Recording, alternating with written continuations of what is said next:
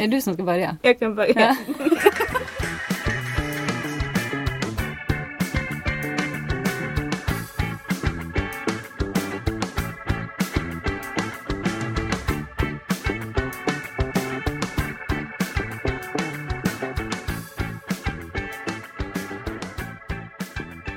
Hej och välkomna till det andra avsnittet av podden På tal om djur. Podden som handlar om allting som rör djur, helt enkelt. Ja, och vi har ju som sagt det andra avsnittet. Vi kanske ska säga vad vi heter med. Ja, det kan vi göra. Petra heter jag. Och Charlotte heter jag. Och ja, vi har ju som sagt spelat in ett spelat in. Vi har haft, gjort ett avsnitt innan och det gick ju rätt bra tycker jag. Förutom att vissa av oss hade lite problem med siffror. Ja, jag får väl ta på mig den. Jag hade fruktansvärda problem med att få till det här med, med siffror. Ja, men vi, vi, alltså grejen var att när vi spelade in podden Visst jag tänkte på att det blev fel ibland men sen när vi lyssnade igenom hela Då blev det ju uppenbart att det faktiskt blev lite fel. Så vi kanske ska lyssna på lite exempel på när det blev lite tokigt med räkningen Petra. Nu har de ökat med 200 stycken ungefär. Superbra ju. Nej ännu mer. 1300 från 840 till 1300. Mattekunskaperna är inte där de ska. 500! ja, det är jättebra. Alpackan kommer ju från Anderna från första början. Finns främst i Peru. Men i Sverige så har vi cirka två styck, 2000 stycken faktiskt. Rosagrå, stålblå och så under allt det här så finns det sammanlagt 25, nej 25, 250 nyanser. Alltså alla de här felsägningarna är ju rätt roliga men den som om, om en av de här skulle vara sanna Mm. Så tycker jag att den, eh, när du säger att det finns två stycken alpackor i hela Sverige, den hade varit ja. roligast. Ja, det är inte lätt alla gånger. Jag får bara, jag bjuder på detta. Men brukar du ha svårt med siffror Petra? Nej, jag faktiskt hävdar ju själv att jag är väldigt bra på koder och sånt där. Alla bankkonton i huvudet, alla koder till allt vad det kan vara har ju jag i huvudet. Så på så sätt tycker jag ju själv att jag är jättebra med siffror. Men inte i det här sammanhanget. Nej, det kanske är just därför du, du kanske inte fick plats med fler siffror. Nej, det kan vara det. Ja. Så jag tänker att eh, jag ska försöka överlåta det här med siffror till dig i framtiden, Charlotte. ja, nu känner jag lite press. Men visst, eh, det, det gick väl bra förra gången i alla fall. Vi får se om det blir någonting annat kul som händer idag. Fler, fler felsägningar och sådär. Mm, vi får se. Men förutom det, Petra, hur har det varit sen senast? Har det hänt något? Har du träffat några djur? Ja men det har jag faktiskt. Eh, på jobbet så har jag förmånen att eh, få träffa en katt ibland. Och det tycker jag är oerhört mm. mysigt. Så då får man ju passa på liksom och klappa och gosa och klia lite och pussa på lite och sådär.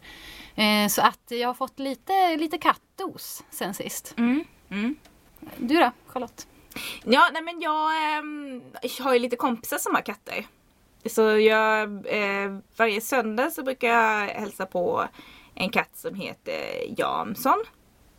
Jag vet inte, alltså jag är ju där varje söndag och hälsar på. Ja, det är ju Jamson hälsar jag på men det är också såklart hans ägare som vi brukar hänga.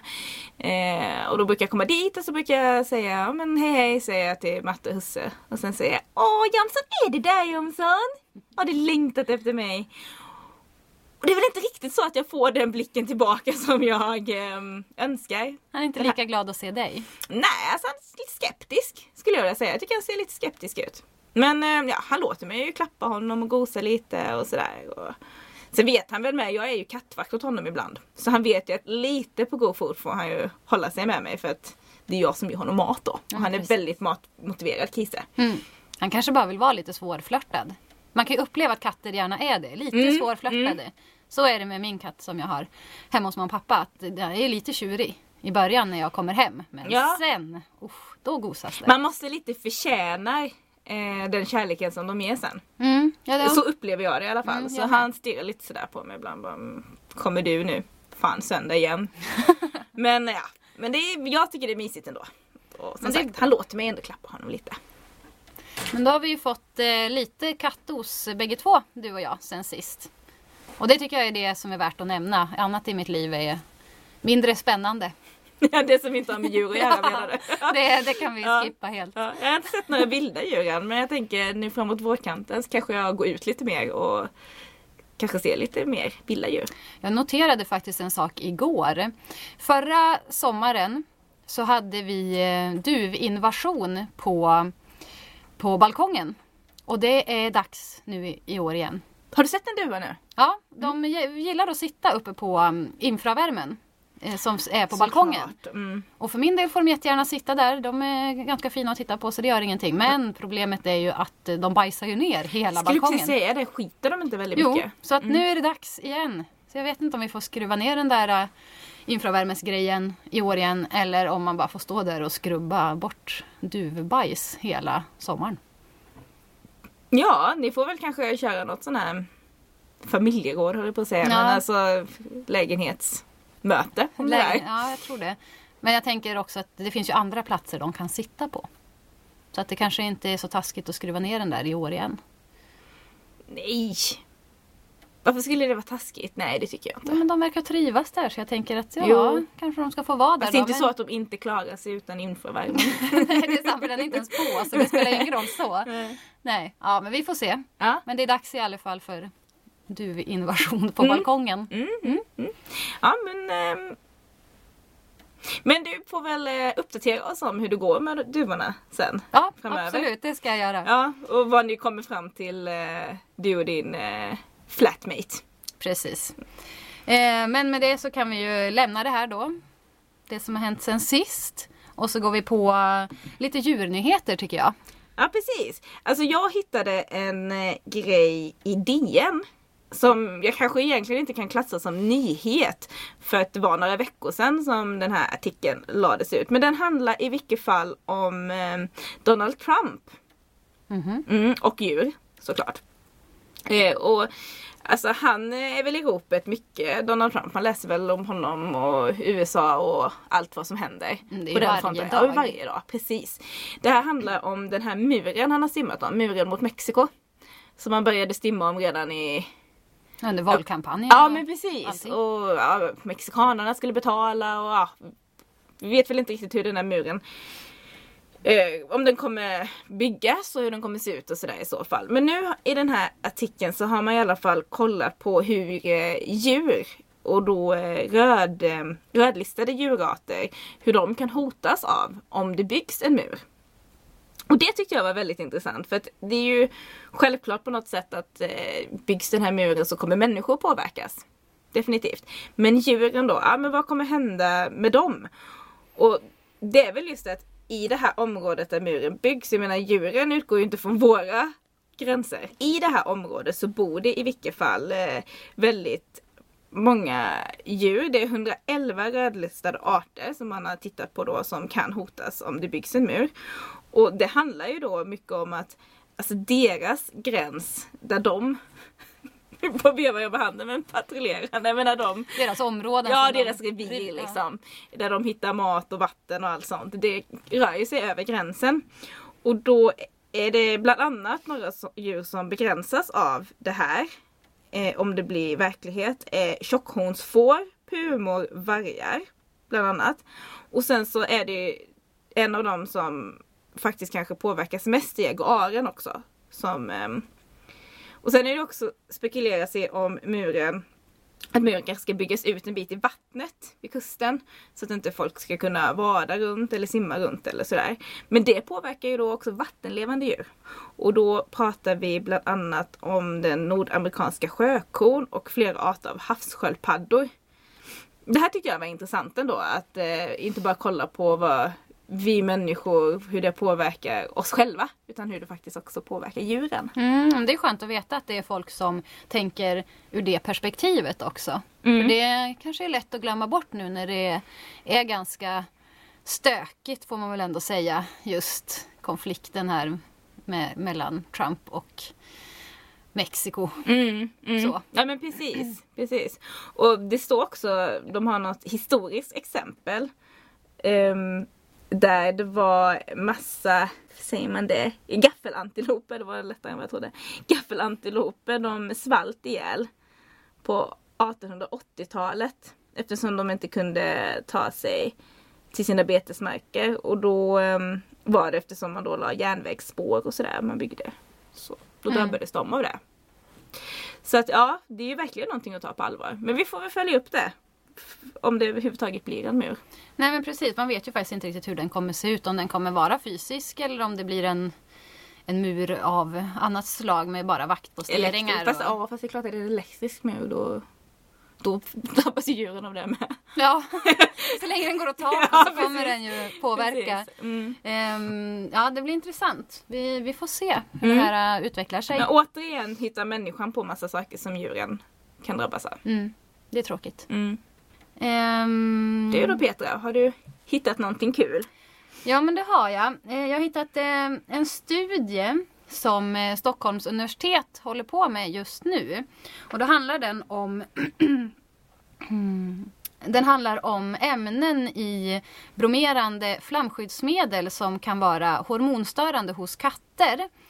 Och man har misstänkt eh, sedan tidigare att det här kan ge katter giftstruma. Eh, och det handlar främst om katter som lever till större delen inomhus. Eh, Man har tagit blodprover på katter som lever då till större delen inomhus. Och även prover på dammet i hemmet som katten lever i. För det är där de här eh, kemikalierna, de här ämnena eh, samlas. Mm. Eh, och då har jag pratat med mm, en man som heter Bernt Jones. Han är för detta veterinär och eh, professor i klinisk kemi. Och det är han som har tagit eh, de här blodproverna på katterna. Ja, det vi har kommit fram till hittills det är ju då att katterna innehåller varierande mängder utav de här flamskyddsmedlen som då finns i, i våra bostäder och som då kommer ifrån behandlade textilier och, och elektronik av olika slag. TV-apparater, eh, datorer och annan elektronik som finns. Och även i vissa leksaker finns det då sådana här substanser. Mm. Och vi har lyckats visa att katterna får i sig de här framförallt ifrån dammet som finns i bostaden. Mm. Och eller hur får de i sig det? Är det när de tvättar pälsen och så eller hur, hur funkar det? Ja, det är det. De- De får i sig det när de tvättar pälsen och vi har ju tittat på någon enda hund också. De har inte alls samma höga halter utav de här ämnena som katterna har. Alltså då säger han ju det att det är ju just, eh, ja, men som du sa också Peter, att det, de här kemikalierna är i, i dammet.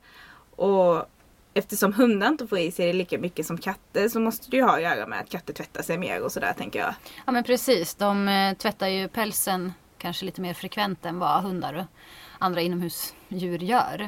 Eh, Och i tidigare studier som man har gjort utomlands så eh, visar det på att utekatter har mindre halter av de här ämnena i blodet. Så att ja, en katt som vistas mer inomhus påverkas ju mer då. Ja men det är klart, det är rätt logiskt egentligen. För att eh, om de här eh, kemikalierna är lite överallt och du är inomhus mestadels. Det är klart att du borde få i dig dem mer Mm. än om du är ute på äventyr om dagarna också. Precis. Eller bara gå till jobbet. Och det här medlet det finns ju då i möbler och teknikprylar, precis som Bernt sa. Eh, Men även också då i vissa leksaker. Och man har ju testat på katter för att man vill se hur små barn, eh, om de får i sig det här medlet också. Små barn kan ju stoppa saker i munnen Mm. och det är liksom, ja, de grejer mycket Ja. och ligger på golvet och sådär. Så att, Och faktiskt eh, Alltså för du pratade att det fanns i, i plastleksaker och sånt till exempel och möbler. De, alltså jag har ju sett barn liksom stå och typ slicka på möbler. mm. I princip. Jag menar alltså att Ja, de men är ju barn- verkligen så. Ja. Känner med munnen. Ja men i ett visst stadie så stoppar ju små barn det mesta i Mm, munnen liksom mm. och ska tugga på allting och man får tänder och allt vad det kan vara. Så att eh, utifrån, den, utifrån det så har man då valt att testa på katter som lever i samma miljö som de här små barnen. Mm. De här ämnena i alla fall, de ser ut som sköldkörtelhormon. Eh, och det man vet sedan tidigare är att eh, det påverkar själva eh, sköldkörtelns funktion som i sin tur då lev, leder till eh, just giftstruma. Mhm. Ja men det är ju verkligen samband de har hittat då. Mm. Men jag tänker så här, vi pratade ju innan om att vi har gosat med lite katter i senaste tiden och så. Eh, för, eh, för kattägare, hur upptäcker man om eh, ens katt har det här giftstruma? Ja, det tydligaste är ju att eftersom det är äldre katter så blir de helt plötsligt väldigt hungriga och äter stora mängder foder. Plus att de blir väldigt aktiva jämfört med vad de har varit tidigare. Samtidigt så tappar de vikt. Så att från att ha varit lätt överviktiga, vilket är vanligt hos äldre katter, så kan de helt plötsligt bli riktigt magra. Ja, då är det det man får hålla koll på. Ja, och skulle man misstänka att ens katt eh, möjligtvis är sjuk och har fått giftstruma så ska man gå till veterinären och ta ett blodprov för då kan man se eh, på provsvaren om Mm. de har fått i sig medel eller vad det, vad det är för fel på katten såklart. Men jag tänker om de här, gift, eller de här kemikalierna då finns eh, överallt i hemmet och man faktiskt har en katt som är inne mycket. Eh, finns det någonting eh, man kan göra för att liksom ändå förhindra att de får i sig stora mängder i alla fall kanske? Ja. Eller någonting? Hur man eh, skyddar dem i hemmet så att säga. Eh, ja, man kan ju damma ofta. Eh, sen kan man ta bort möbler och mattor och teknikprylar som eh, behandlas med flamskyddsmedel. Främst elektronik som blir varm avdunstar de här kemikalierna som sen då hamnar i dammet.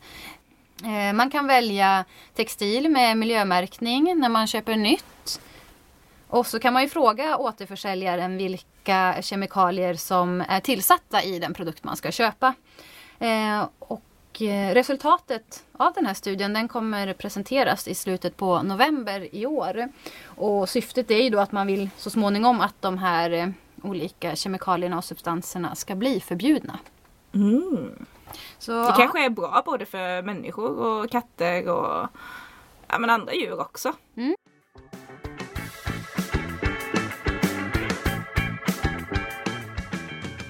Jaha, förra veckan var det hundcafé som vi var ute på. Mm, Vad ska vi idag Petra? Ja, men vi gav ju lite ledtrådar i förra avsnittet. Att det var ett litet djur vi ska träffa eh, som kunde ha slät päls eller virvlar. Som låter ganska mycket. Ehm, Och som du har ägt, sant? som jag har ägt en gång i tiden. Eh, det handlar alltså om marsvin. Ja, precis! Eh, som vi sa, du har ju haft ett marsvin. Jag har inte jättemycket erfarenhet av marsvin sedan tidigare. Eh, men det här stället som vi ska till, Aragons omplacering av marsvin. Tom kan mycket om marsvin tror jag. Så att jag ser väldigt mycket fram emot det och få lära mig mer om marsvin. Och men de är ju gulliga när man kollar på bilderna så kanske att man får klia en bakom örat också. Eh, vi ska i alla fall få träffa Linda som när vi var där eh, hjälpte till att klippa klorna på, på marsvinen och gjorde dem fina. Och så ska vi träffa Irene som eh, är den som har startat Aragons. Kan du berätta från första början varför du har valt att starta det här? Ehm, Jag valde egentligen inte det. Det valde mig. Så är det väldigt ofta. Alltså, eh, jag gick på mm, marsvinsutställningar för att jag hade köpt två djur till mina barn. Jag hade köpt två hanar på Backaplans zooaffär. Och flera år senare så upptäckte jag att det fanns en förening för marsvin. Och så gick jag på utställningar. Och så först så trivdes jag där och tyckte om det och liksom så här. Men så ju mer jag tittade på det, jag är en ganska kritisk person. Och ju mer jag tittade på det desto mer blev jag kritisk och och alltså till slut så gick det liksom inte att Ja, det gick inte att förlika sig med det. Nej. För att, eh, att den miljön som är i utställningssammanhang den är liksom det är en människovärld. Det är verkligen ingen djurvärld. Och dessutom så var det väldigt mycket överskottsdjur. Man kallade det överskottsdjur. Överskottsdjur är alltså djur som inte blir som man har tänkt när man sätter ihop hanen och honan. Det är väldigt, väldigt sorgligt. För ett djur kan i princip vara en timme gammal och redan är ett överskottsdjur. Cynismen är total liksom. Och ju, ju högre upp du kommer i den här hierarkin när det gäller uppfödningen desto, desto värre cynism på något sätt. Va? Det är bara varor, det är bara så här. Och ju längre det höll på desto mer blev jag liksom ja, anti. Så. Och så jag tog ett steg ifrån och jag tog två steg ifrån och till slut så var det liksom så här att jag hade kontakt med några uppfödare och av någon orsak så tyckte jag väl fortfarande att de var lite okej. Fast egentligen när jag tittar på det nu så ser jag ju att det inte var så. Liksom. De var inte okej de heller. Och till slut så tog jag steget helt ifrån. Så idag så, så pratar vi i princip bara vanliga människor. Idag har vi ingen kontakt med några uppfödare. Inga vanliga uppfödare, alltså ur SMF eh, hän, hänseende. Kan du uppleva det här att eh, desto mindre djur desto mindre bryr man sig också eller har Det något väldigt samband? lite, väldigt eh, mycket så. Väldigt mycket så. Det, är- det är liksom eh, på något sätt som statusen som djuren har och jag menar det gäller ju katter då till exempel i allra högsta grad men marsvin också. Marsvin är fortfarande förhållandevis lätta att husera. Alltså jag tror att det är det som gör att katter far så himla illa i jämförelse. Men eh, mars, marsvin är eh, Alltså det är inte ovanligt att vi hör av någon så här att eh, kan ni ta in det här marsvinet för att eh, jag var och tittade på ett hus och det satt ett marsvin i källaren där och de sa att köpte vi huset så får vi marsvinet på köpet. Alltså det har hänt flera gånger. Och då sitter där ett misshandlat djur, alltså, som, alltså det är misshandlat av ingen skötsel så att säga. Jättelånga klor och kanske ohyra och, och de har ju väldigt, väldigt lätt att få ohyra också. Alltså, jag vill skylla det mesta på aveln och sen finns det inga vetenskapliga belägg för det så. Men jag vill skylla det mesta på aveln därför att när man avlar och inte tänker sundhet utan tänker pälsfärger och platta näsor och så här eh, Då, då blir aveln konstig. Den blir väldigt knepig liksom. Men eh, vad ska man tänka på om man vill skaffa marsvin? För de som inte Man vet. ska, man ska ta reda på först om man är allergisk mot hö. För att det är nästan den vanligaste saken att folk hör av sig och så liksom, ja vi har blivit allergiska mot hö. Mm. Det är jättesorgligt. Det är det första. Och sen så ska man tänka på att de lever mycket längre än eh, eh Många blandar ihop dem och tänker små djur så här. Eh, faktum är att marsvin, om de får leva hela sin livslängd, så att säga 6-7 år, så är ju det lika länge som en ja, felavlad hund lever. Men sen så ska du ju veta också att otroligt många tröttnar. Jättemånga tröttnar. Och varför de tröttnar det förstår ju givetvis inte jag. Jag fattar ju inte det. Varför tröttnar man på de här djuren? De är ju underbara. Men så som jag fattar det så tröttnar man på att sköta dem, man tröttnar på att göra rent i buren. Man, hos väldigt många blir de bara ett dåligt samvete.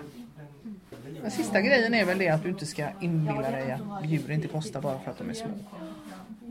Sköter du de här rätt så kostar de ganska mycket. För du ska försäkra dem och du ska se till att de har en rejäl bostad. Du ska gå till veterinären med dem. Um, Ja, de är inte gratis, ska inte vara det heller. Liksom. Tar vi hand om dem så ska vi göra det bra för dem. Liksom. Så ska man väl inte gärna ha bara ett? Så Nej. blir det ju Alltid, alltid. Ja, alltid ska ju marsvin vara flera. Eh, och vi vill ju helst, alltså det finns ju två koncept som vi ser det då. va. Eftersom väldigt många kommer hit och det, där har vi accepterat verkligheten på något sätt. Men de får också fatta våran verklighet. Vi har ju två kön och honor är väldigt lätt att hålla i flock. Hanar går inte att hålla i flock. Det, det är våran sanning. Alltså sen så är det folk som säger ah, men jag har dem i flock så här. Mm, väntar du tre månader. För det är väldigt ofta uppfödare som har väldigt unga djur då som säger att det går då. För de börjar nämligen hacka på varandra efter några månader så det, det går liksom inte med hanar tyvärr. Jag har verkligen provat. Jag har verkligen provat. Jag hade över hela jävla gräsmattan hemma. Det gick inte ändå. De jagar varandra. De har så starkt, starkt revirinstinkt liksom. Ehm, ehm, men det, då är det ehm, då är det det. Alltså vill du ha fler än två skaffa då en hona eller två honor och en kastrerad hane. Vill du ha två djur, egentligen kanske kom för att du vill ha ett. För det är där vi ungefär möter folk då. De säger jag vill skaffa marsvin. Ja, två är minst och då skaffar man två hanar. Och eh, vet man med sig att man kanske bara vill ha eh, för barnens skull. Skaffa då två äldre djur. Skaffa gärna alltså medelålders, kanske till och med medelålders plus. Alltså 4-5 år. För de lever fortfarande ett par år till, de flesta. Och då får du ehm, eh, alltså det här goa med marsvin, kelet. Alltså att de är lugna och goa så här. Medan de här, de har ju fullt upp, de, de ska ju både vara hormonella och tonåringar och alltihopa. De är ju mest för sig själva ännu och ska ju vara det. Liksom. De ska ju få ha sin process. Kan inte du mm, berätta om, om de som du har med dig här? Dina Jag fyra. har fyra. Jag har eh, Bosse som är, eh, han är ju kastraten, hanen. Och sen så har han tre tjejer. Och det är Sushi, Mimmi och Molly. Men de är himla mysiga. Jag håller ju den ena här nu, det är jättemysigt. Ja, det är billig terapi. Men alla ska få lite pedikyr och ompyssling idag. Ja, precis. Han är färdig. Då ska du få den sista här. Ska jag gräva Vi fram? följer med. nu. Vem, vem är det här som ska få Ja, nu är det sushi som är kvar. här. sushi? Åh, om jag når henne. Lilla vänner. Han var rätt smutsig. Och på snoppen var han smutsig. Du var en liten kolsvart sak. Söt du är. Det säger man varje gång man ser ett marsvin. Åh, vad söt du är. Alla ser så olika ut. Vi fixar dem inte i Siggen. Nej, nej, det gör de, nej, det gör de inte. De, eh, utan det är någon typ av talg som bildas i den här körteln där och eh, på snoppen. Det är naturligt att det blir så. När de är kastrerade så brukar det oftast vara lite bättre. Är du redo för lite klon nu? Kan inte du förklara vad du, vad du gör? Mm, nu ska jag klippa klorna här på Sushi. Nu har hon helt svarta klor här. Eh, så då får man gå lite på känn för att de har ju en blodåder i klon precis som hundar har och katter.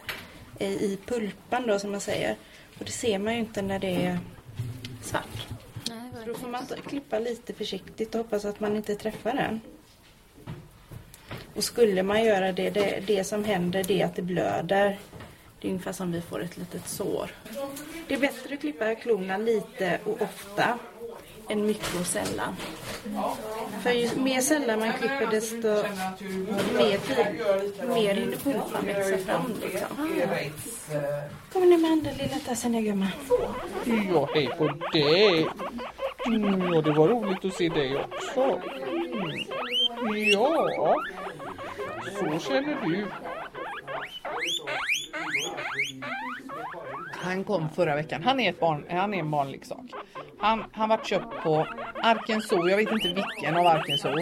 Eh, och ensam till en femåring. Mm. I sex månader satt han i sin mest formbara ålder. Alltså när han växer och, och utvecklas som mest. Då satt han ensam.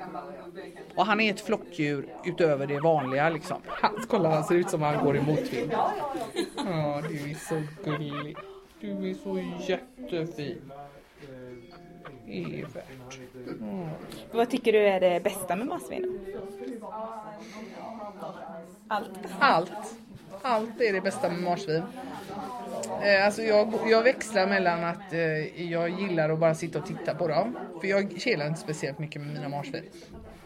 Men jag gillar att sitta och titta på dem. Jag gillar att höra på dem. Jag gillar att mata dem. Jag gillar deras fantastiska entusiasm inför matning.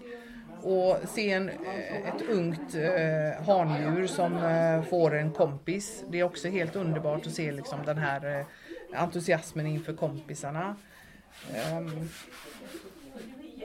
och så är de ju så fantastiskt snälla. De är ju så fantastiskt snälla djur. Alltså visst, de kan vara riktiga bitcher med varandra sådär. Men alltså ta upp en sån i famnen, den bara ligger där och päser och är så här mysig och god liksom. Nej, de är helt underbara djur alltså. Helt underbara. Alltså jag tar med mig mycket från den här upplevelsen på, um, på Aragons. Men alltså en av de sakerna jag tar med mig absolut mest och närmast hjärtat det är ju just hur Irene verkligen älskar marsvin. Ja, det var väldigt tydligt. Alltså hon brinner ju för det här och alltså, ja, verkligen älskar marsvin. Mm. Och inte bara det här att hon är djurvän, för det förstod man ju att hon brydde sig om att alla djur skulle ha det bra. Men alltså marsvinen verkligen, verkligen älskade hon. För när vi intervjuade henne så kunde hon ju helt plötsligt stanna upp och bara säga förlåt men, men alltså bara titta vad gullig, titta vad gullig! Och de var verkligen så gulliga. Ja, de var jätte, jättefina. Man blev ju sugen på att skaffa ett marsvin. Ehm, när man fick hålla i ett som lite kurrade lite sådär och lät. Eh, men man förstår ju också att det är ju så mycket mer än vad man kan tro. Det är, marsvin är, det är ett litet djur men eh, med väldigt stort ansvar ändå för att de ska må bra. Ja, de har ju mycket behov. Alltså vilka typer av flockar som de ska bo i. Eh, och eh, att man inte bara kan ha ett. Och det ska vara ja, men, hur de ska bo för att må bra och man måste grooma dem lite, klippa klor och fixa päls och göra rent snoppen och Ja det var massa grejer vi fick vara med och se. Ja, det hade jag ingen aning om. Och att de var så gosiga var inte jag heller beredd på. Jag blev jättesugen på ett marsvin just för vi fick hålla dem och de bara kurade ihop sig så här nära, nära kroppen. Jag tyckte jag var så mysigt. Mm. Och intressant också som hon berättade Irene att eh, det var lite av en färskvara just den här gosigheten. Att Alltså ju mer man gosar desto mer tillgiven blir de. Om du låter ett marsvin vara i eh, ett halvår och bara får springa runt i buren då kommer den inte alls vara lika gosig. Utan man måste verkligen upprätthålla gosigheten. Och det, det förklarar en hel del också för man har haft eh, kompisar eller mm, ja, släktingar som har haft marsvin så har en del har ju sagt till mig bara man var jättetråkig och inte alls gosig. Nej, men då är det ju det kanske att du inte har gosat upp det här marsvinet sen innan. Och underhållit den här gosigheten. Så lite eget, eget ansvar där. Mm. Mm. Sen var det också väldigt intressant det här. Jag hade ingen aning om att det fanns en industri kring marsvin och att de, alltså elitmarsvin eller vad man ska kalla dem som var liksom lite finare än alla andra. Så man kunde få utställningar och allt möjligt. Att det blev en att det var en industri runt det på ett sätt. Nej men det vet man. Alltså, så kattutställningar känner jag till. Hundutställningar. Eh, ja precis. Men jag visste inte att det var likadant eh, i, i marsvinsbranschen. Nej. Om man säger så. Och att Men- de som inte platsar då bara föses bort. Direkt i princip. Och det var ju Irene väldigt eh, hon, hon var ju väldigt kritisk mot det. Just den typen av avel där djuren liksom skapas för ägarnas behov. Och där djuret mer ses som en slags leksak, en ägodel. Mm. Än en, ett eget liv på något sätt. Hon var ju väldigt kritisk mot det. Ja, och att man väldigt lättvindigt kan köpa ett, ett marsvin. Som sagt, det är ett litet djur och man tror att det är väldigt lätt att eh, bara köpa ett som en present till sitt barn eller ja, för att de är gulliga att se på ett tag. Men det krävs ju så mycket mer och man ska inte så lätt bara kunna skaffa sig ett djur, eller ett marsvin i det här fallet, men ja, djur överhuvudtaget kan jag tänka. Nej men precis, vi var, pratade också lite om det här att ju mindre djuret är desto lättare verkar det vara för folk att också liksom inte bry sig ordentligt. Ehm, och att det kanske också är liksom svårare för det djuret att få skydd. Större djur så finns det mer intresse av någon anledning. Mm. Så det är också lite ja, anmärkningsvärt. Eh, Men just det här med att eh, djuren, alltså djur i allmänhet kan både avlas fram och att det blir som en handel inom det. Det finns ju många exempel på, inte bara i Sverige utan internationellt också.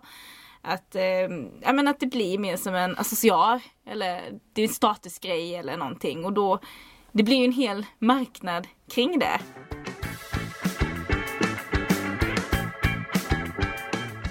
Men nu är det dags för vår stående punkt. Vad ska vi kalla det sa vi? Att vi skulle kalla det för eh, djurburken. Ja, jag vet inte. Det är den sista liksom program, programpunkten Mm. i, i våra avsnitt. Mm. Och det här tänkte vi göra som ett stående inslag. Och eh, i förra avsnittet så fick ju du eh, dra en lott, eller dra en liten lapp ur den här Ja. boken. Som det stod röd panda på. Som jag nu ska, eller som jag idag ska berätta om. Mm. Och i varje avsnitt då i slutet så drar man en liten lapp, får ett djur och eh, ska berätta om det. Eh, nyttig fakta om det här djuret i avsnittet efter. Mm, och för att vi inte ska bli allt för jäviga det är i och för sig vår podd så vi får ju vara om vi vill men vi vill inte vara det. Så har vi bett lite kompisar att eh, skriva på lapparna olika djur så vi vet inte vilka djur som ligger i burken. Precis. Och förra gången så fick ju du då röd panda. Ja och vi pratade ju om den röda pandan då och var inne på att ja den heter väl, kallas väl för kattbjörn och lite sådär också. Och det stämmer, det har jag kollat upp nu. Eh, och vi, vi, jag ska börja där jag ändå gillar att börja. Att eh, hur det ser ut, för jag tycker ju också att den här röda pandan är jättegullig. Och de har ju, eh, åh vad ska jag börja, vad ska jag börja, vad ska jag börja? Nej men de har ju små söta öron. Jag tycker de är lite så här proportionerligt mindre än vad man tänker sig kanske på en katt eller sådär. Och sen har de ju en jätteburrig randig svans.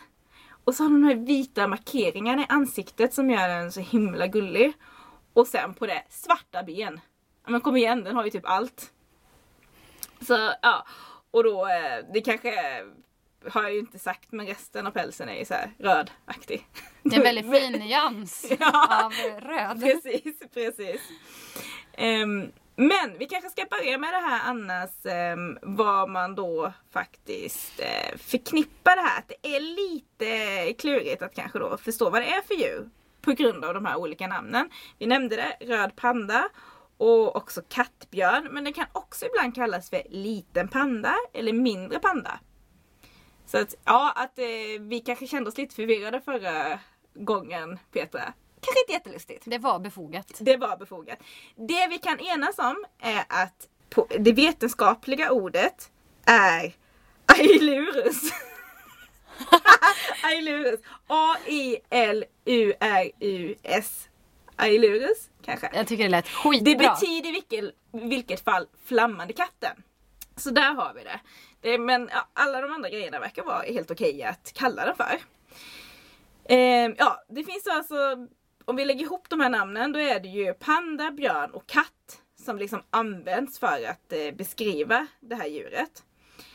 Eh, om vi kollar på dem lite närmare så är det så att den röda pandan är närmare släkt med tvättbjörnen än vad den är med jättepandan. Ändå heter den ju också panda då. Men det som gör den lik pandan det är bland annat att den äter främst bambu. Så att det är ju en grej. Eh, men om man, om man kollar på bilder och filmklipp på den röda pandan då tycker jag mig se alla de här tre djuren i den röda pandan på något sätt. Alltså den känns ju lite kattlik. Eh, men samtidigt tycker jag att den känns eh, för jag tänker i alla fall på när jag tänker på jättepandan att eh, den är liksom rund och gosig. Men kanske inte det smidigaste djuret. För att den, är, den har ju liksom så rund, alltså, runda stora tassar. Du bara skrattar åt mig nu. Men, men de är alltså, inte så smidiga alls. Nej men för, för du har väl jobbat med pandor också? Ja det har jag med sådana jättepandor och eh, nej de är inte speciellt smidiga på marken.